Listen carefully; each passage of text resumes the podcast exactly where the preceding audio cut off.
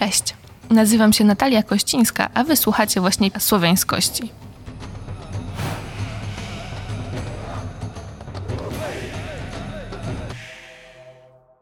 Mamy dzisiaj 11 listopada, święto niepodległości, czyli dzień w Polsce szalenie kontrowersyjny. I chciałabym dzisiaj trochę o nim porozmawiać, poopowiadać, dlatego że polskość, patriotyzm, to co właśnie rozumiem przez niepodległość, to tematy bardzo mi bliskie. Właśnie przez to, że od lat zajmuję się słowiańskością. Dlatego, że słowiańskość i polskość idą ze sobą w parze. Jestem Słowianką, bo jestem Polką, bo urodziłam się w Polsce, bo w polskiej kulturze jestem zakorzeniona. Słowiańskość jest oczywiście pojęciem trochę szerszym i też mam takie wrażenie, że dla wielu osób bezpieczniejszym. To znaczy, wolimy mówić o słowiańskiej kulturze niż o kulturze polskiej, dlatego że mniej nam się to kojarzy z nacjonalizmem i z jakimś takim niezdrowym patriotyzmem. Ja mam takie trochę małe marzenie, żebyśmy tę polskość, tę kategorię polskości mogli odzyskać. I dzisiaj chciałabym podzielić się z Wami swoją refleksją na temat i samej polskości, ale także patriotyzmu i, i tego, jak ja to wszystko widzę. Zacznę w ogóle od tego, że, że słowiańskość i polskość, no one są ze sobą powiązane, tak jak powiedziałam już chwilę wcześniej. I w momencie, w którym zajmuję się słowiańszczyzną, zajmuję się także polskością, historią Polski, tak, począwszy od wczesnego średniowiecza i od początków państwa polskiego właśnie, tak, czyli Mieszka I, tego co było przed nim, tych legendarnych początków polskich, poprzez kulturę ludową, a nawet popkulturę, bo ta popkultura, którą się zajmuję, słowiańska fantastyka, to wszystko przecież wyrasta na naszym właśnie polskim gruncie. To jest polskość. Szkole czasami z zakresu słowiańszczyzny prowadzę takie warsztaty i dla dorosłych, i dla dzieci, i ostatnio coraz częściej myślę o nich w kategorii edukacji patriotycznej. Właśnie dlatego, że mam wrażenie, że ta nasza fascynacja słowiańskością, słowianofilstwo, ono jest właśnie bardzo bliskie takiemu rozumieniu miłości do polskości. To jest coś, co sprawia, że my szukamy swoich korzeni i budujemy swoją tożsamość. Tożsamość powiązaną ściśle z tym miejscem, z którego się wywodzimy. Niekoniecznie musimy nadal w nim mieszkać, ale to tutaj są właśnie te nasze korzenie, których szukamy. Oczywiście, kiedy za pierwszym razem użyłam określenia edukacja patriotyczna, to gdzieś tam poczułam pewien dyskomfort. Dlatego, że słowo patriotyzm jest w Polsce słowem trudnym. Wiele osób powiedziałoby, że zostało ono zagarnięte przez e, takie mocno nacjonalistyczne środowiska, że patriotyzm nie kojarzy się dzisiaj z niczym pozytywnym, kojarzy się raczej właśnie z brutalnymi, agresywnymi zachowaniami, e, z nienawiścią do innych, do, do tak zwanego obcego, z takim zamknięciem, no i właśnie agresją. Ja nie chcę tak myśleć o patriotyzmie. Dla mnie patriotyzm cały czas ma to znaczenie podstawowe, tak? Czyli miłość do ojczyzny i jakaś być może nawet forma poświęcenia może niekoniecznie poświęcenia, ale pracy nad tym, żeby w tej ojczyźnie było jak najlepiej. Oczywiście te drogi tej pracy są różne, różnie je można sobie wyobrażać. Tutaj w ogóle bardzo Wam polecam książkę Turbopatriotyzm Marcina Napiórkowskiego. Ostatnio dużo czasu spędziłam na tej lekturze i poukładało mi się w głowie parę rzeczy. I też jakby ułatwiło mi trochę myślenie o patriotyzmie, więc bardzo Wam, bardzo wam tę książkę polecam. Natomiast jakby ten patriotyzm dla mnie, on przejawia się właśnie w tym, że szukam swoich korzeni, że chcę je znać i chcę kultywować pewne tradycje. O tradycjach e, jeszcze zaraz, e, zaraz Wam opowiem trochę. Patriotyzm jest dla mnie tym, że walczę, pracuję o taką Polskę, w której wszyscy będziemy się dobrze czuć. Niezależnie od tego, co mamy wpisane w dowodzie osobistym, nie? czy jesteśmy Polakami, Ukraińcami, Niemcami, skądkolwiek pochodzimy, to chciałabym, żeby Polska była dla nas miejscem dobrym i przyjaznym przede wszystkim. I tak staram się patrzeć właśnie na dzisiejsze święto, że to jest święto wolności, że to jest takie święto, które powinno być dla nas wszystkich. Ja w ogóle kiedyś na swoim Instagramie napisałam coś takiego, że kiedy już będę miała swój domek, chatkę w górach czy gdzieś, to 11 listopada będę wywieszała tam dwie flagi. Jedną polską oczywiście, jedną tęczową, a jedną w zależności od sytuacji. W tym roku byłaby to pewnie flaga ukraińska, bo właśnie tym jest dla mnie patriotyzm. Tym, że w Polsce mogą mieszkać wszyscy i wszyscy czuć się dobrze i bezpiecznie, że jest to kraj absolutnie wolny, otwarty dla wszystkich. Przez pewien czas w ogóle miałem takie myślenie, że ta kategoria polskości jest trochę niepotrzebna, że wolę czuć się obywatelką Europy, świata i, i ten, ten narodowy element nie jest mi do niczego potrzebny. Jednak z czasem zaczęłam w to wątpić, dlatego że polskość jest czymś, co tkwi we mnie bardzo głęboko. To są właśnie te korzenie, o których wspominałam.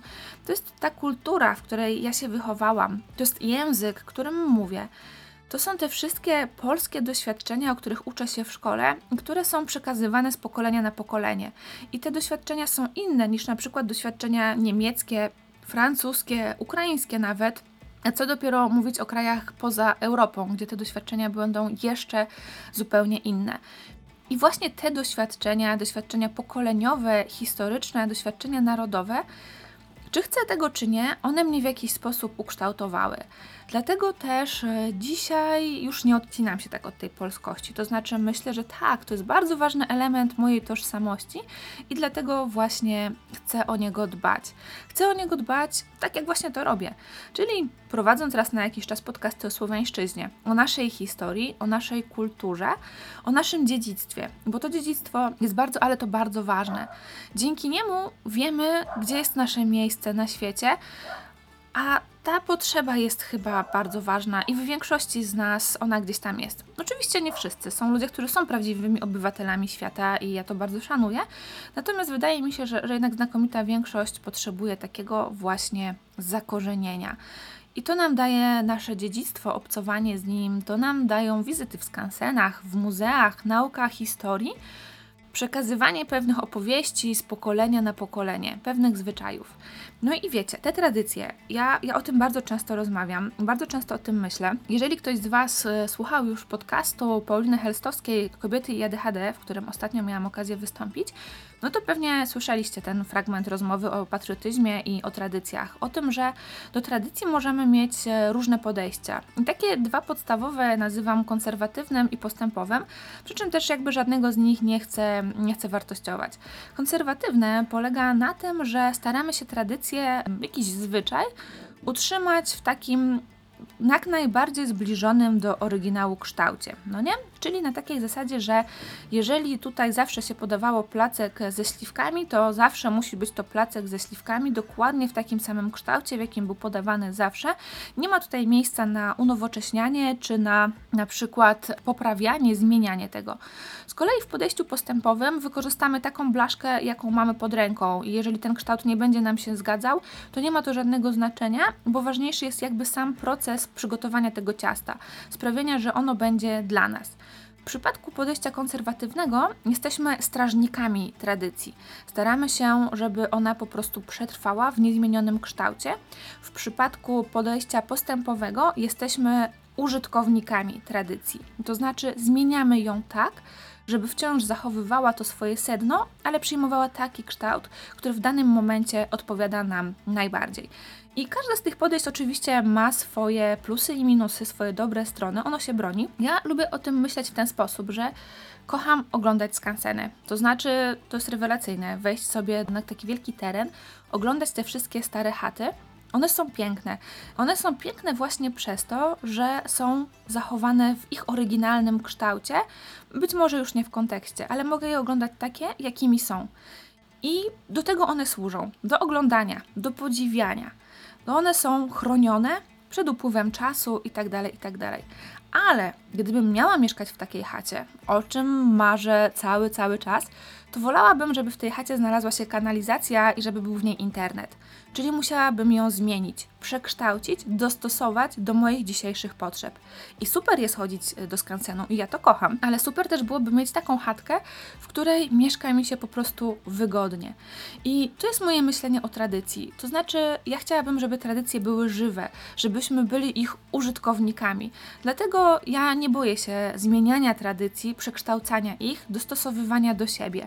I przez to mam wrażenie, jestem właśnie przez wiele osób gdzieś tam traktowana jako, jako przeciwniczka, tak? jako właśnie kontra do tego podejścia um, skierowanego bardziej na przeszłość i na to takie zachowywanie tradycji w niezmienionym kształcie. Przy czym uważam, że to pierwsze też jest ważne, chociażby po to, żebyśmy właśnie mieli punkt odniesienia, żebyśmy mogli zobaczyć, jak to faktycznie kiedyś było.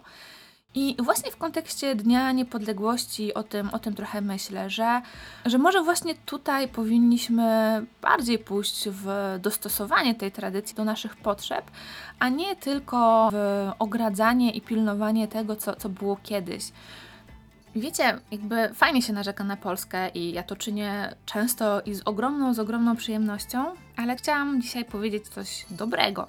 Bo wiecie, ja kocham Polskę. Podróżuję po niej od dłuższego czasu. Obserwuję wszystkie miasta, miasteczka, wsie, duże aglomeracje. Byłam w górach, byłam nad morzem, byłam też e, nad jeziorami, w lasach i myślę sobie, że Polska jest naprawdę pięknym krajem. Jest w niej coś takiego, co, co mnie przyciąga, co sprawia, że, że chcę tutaj być i że w ogóle nie ciągnie mnie za granicę. Tylko właśnie swoje urlopy planuję na przykład w Pieninach albo nad brzegiem Bałtyku, tak, przejeżdżając rowerem z jednego końca na drugi to też jest przejaw patriotyzmu dla mnie. To jest właśnie to, że chcę tę Polskę poznawać, że wszędzie, gdzie jestem, znajduję jakieś takie elementy, które są mi bliskie, które mnie zachwycają że kiedy jadę nad morze i kiedy wdycham jod bałtycki, to myślę sobie o tym, że, że fajnie, że mamy ten dostęp do morza, że kiedy Haller wrzucał ten pierścień, aby zaślubić Polskę z morzem, to w gruncie rzeczy był to ładny gest i że ja go, że ja go nawet rozumiem. Kiedy jestem w górach e, i kiedy czytam na przykład o badaniach profesora Poikerta, to myślę sobie, jakie to jest wspaniałe, że mamy tutaj takie bogactwo folkloru, że, że to jest miejsce, w którym ludzie mogli się ukrywać i jakby kultywować swoje swoje tradycje i swoje zwyczaje. Kaszuby zachwycają mnie właśnie tym trwaniem dawnych e, wierzeń, demonologii, mitologii. No to jest coś pięknego. I właściwie w każdym miejscu w Polsce coś takiego jestem w stanie odnaleźć, odkryć. I to jest super. I dlatego właśnie sobie jeżdżę z miejsca na miejsce. No dobra, tak naprawdę dlatego, że każą mi jeździć w pracy, ale robię to z radością, bo wiem, że wszędzie, gdzie się znajdę, odkryję coś nowego, coś, coś pięknego, coś, co mnie zachwyci. Czy to będzie jakieś muzeum, czy to będzie architektura. Swoją drogą to też jest ciekawostka, bo e, odkąd jeżdżę tak dużo po Polsce, widzę też e, pewne zmiany. To znaczy, widać pewne granice i pewne wpływy. Niby ta architektura wszędzie jest taka dosyć podobna, ale widać różnice, widać inne wpływy, widać zabory czasami też, ale nie, nie tylko o te zabory chodzi. I jest w tym coś magicznego, że, że kiedy jadę na przykład do takiego Piotrkowa Trybunalskiego, on ma zupełnie, zupełnie inny, cudowny klimat niż to, co widzę na co dzień tutaj we Wrocławiu. Że kiedy ląduję na Pomorzu i obserwuję ten ceglany gotyk, to, to też jest coś innego. Akurat ten ceglany gotyk taki mimo wszystko trochę czuć niemieckością, ale dzisiaj jest nasz, jest na naszym terenie, możemy go podziwiać. I to bogactwo polskiej, tej kultury materialnej i niematerialnej jest dla mnie czymś, co budzi we mnie chyba najwięcej ciepłych uczuć, najwięcej tej właśnie miłości i budzi też we mnie najwięcej patriotyzmu i takiej potrzeby, że musimy o to dbać, musimy się o to troszczyć, musimy sprawić, żeby to zostało dla innych pokoleń, żeby ci ludzie, którzy przyjdą tutaj po nas, nawet jeżeli nie będą Polakami z urodzenia, to żeby oni też mogli z tego czerpać, żeby mogli stać nad brzegiem Bałtyku i wdychać jod, Bałtyku, który nie będzie zanieczyszczony i zniszczony, że kiedy staną na szczycie Śnieżki w Karkonoszach, bądź też dowolnego szczytu, nie będą obserwowali kraju pogrążonego, utopionego w smogu, tylko będą oddychać czystym powietrzem. Chciałabym, żeby ta nasza Polska była właśnie takim miejscem, w którym będzie nam się dobrze żyło, że będziemy kąpać się w czystych jeziorach, oddychać czystym powietrzem, będziemy podziwiać zabytki, o które się dba, które pełnią jakieś funkcje i, i które nie rozpadają się na naszych oczach. I to jest moje marzenie o Polsce. Chciałabym Was dzisiaj zachęcić, żebyście świętowali. Jakby niezależnie od tego, czy Wasze poglądy są bardziej po tej stronie konserwatywnej, czy bardziej po tej stronie postępowej, czy bardziej lewicowe, czy bardziej prawicowe, to jest święto nas wszystkich, wszystkich osób, które w jakiś sposób są związane z Polską, dlatego, że się tutaj urodziły, ale także dlatego, że tak wybrały. I to jest święto nas wszystkich i nie dajmy go sobie odebrać. Świętujmy wszyscy razem i pokazujmy, że, że Polska jest dobrym miejscem do życia, że możemy tutaj być wszyscy razem w pokoju, w dobrej atmosferze, w przyjaźni. Chyba tak, o tę przyjaźń chyba najbardziej mi chodzi. A na koniec chciałabym przeczytać Wam fragment pewnego tekstu, który no, porusza mnie od wielu, wielu lat. Jego autorem jest Julian Tuwim. Jak pewnie wiecie, Julian Tuwim był polskim Żydem. Był Polakiem i Żydem. Nie albo. Był i jednym, i drugim. Nie był w połowie Polakiem i w połowie Żydem. Nie, bo tutaj to nie jest gra o sumie zerowej. To znaczy, mogę być w 100% Polką i w 100% kimś innym, bo, bo to się wcale nie musi sumować i zupełnie nie o to tutaj chodzi. I chciałabym przeczytać Wam fragment tekstu Juliana Tuwima, zatytułowanego My, Żydzi Polscy, z którą się utożsamiam w dużej, w dużej mierze. Więc posłuchajcie przez chwilę, jak Julian Tuwim widział polskość. Jestem Polakiem, bo mi się tak podoba. To moja ściśle prywatna sprawa, z której nikomu nie mam zamiaru zdawać relacji, ani wyjaśniać jej, tłumaczyć, uzasadniać. Nie dzielę Polaków na rodowitych i nierodowitych, pozostawiając to rodowitym i nierodowitym rasistom, rodzimym i nierodzimym hitlerowcom. Dzielę Polaków, jak Żydów i jak inne narody, na mądrych i głupich, uczciwych i złodziei, inteligentnych i tępych, interesujących i nudnych, krzywdzonych i krzywdzących, dżentelmenów i niedżentelmenów itd. Tak Dzielę też Polaków na faszystów i kontrfaszystów. Te dwa obozy nie są oczywiście jednolite. Każdy z nich mieli się odcieniami barw o rozmaitym zgęszczeniu.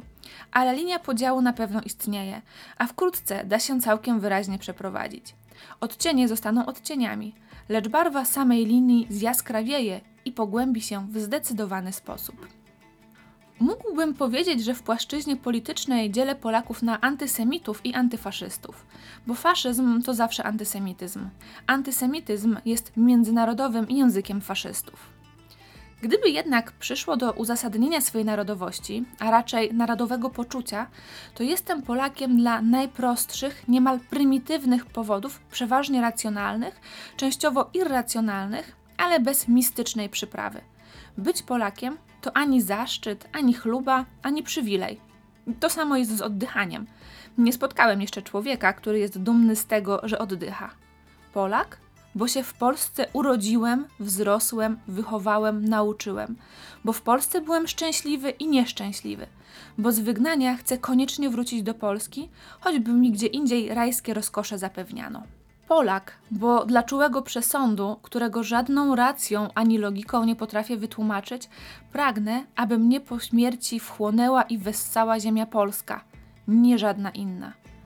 Polak, bo tak mi w domu rodzicielskim po polsku powiedziano, bo mnie tam polską mową od niemowlęctwa karmiono, bo mnie matka nauczyła polskich wierszy i piosenek, bo gdy przyszedł pierwszy wstrząs poezji, to wyładował się polskimi słowami bo to, co w życiu stało się najważniejsze, twórczość poetycka, jest nie do pomyślenia w żadnym innym języku, choćbym nim jak najbieglej mówił. Polak, bo po polsku spowiadałem się z niepokojów pierwszej miłości i po polsku bełkotałem o jej szczęściu i burzach. Polak dlatego także, że brzoza i wierzba są mi bliższe niż Palma i Cyprus, a Mickiewicz i Chopin drożsi niż Szekspir i Beethoven – drożsi dla powodów, których znowu żadną racją nie potrafię uzasadnić. Polak, bo przejąłem od Polaków pewną ilość ich wad narodowych. Polak, bo moja nienawiść dla faszystów polskich jest większa niż faszystów innych narodowości. I uważam to za bardzo poważną cechę mojej polskości.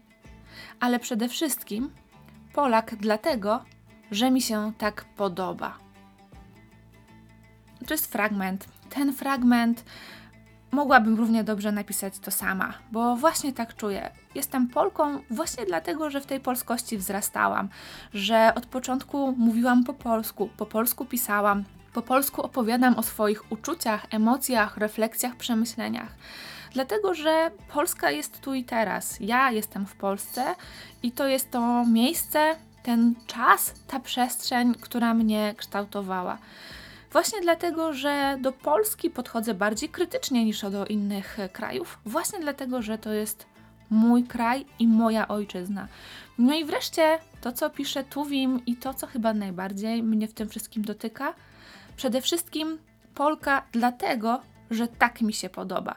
I właśnie dlatego chcę, żeby Polska była takim krajem, w którym wszystkim nam będzie tutaj dobrze. Ech, no właśnie, Krzesimir Kot, Krzesimir również chciał się przyłączyć do przekazywania moich refleksji i właśnie tym dzwonkiem i swoją wędką jakby podkreślił, że, że tak, że on też chyba chciałby tego właśnie, żebyśmy tutaj w Polsce wszyscy potrafili żyć długo i szczęśliwie, jakkolwiek to brzmi. I żebyśmy tę polskość i słowiańskość kultywowali, żebyśmy szukali swoich korzeni i żebyśmy o nie dbali.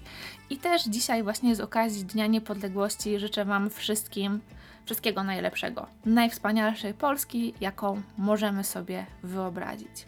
Do usłyszenia, trzymajcie się, cześć!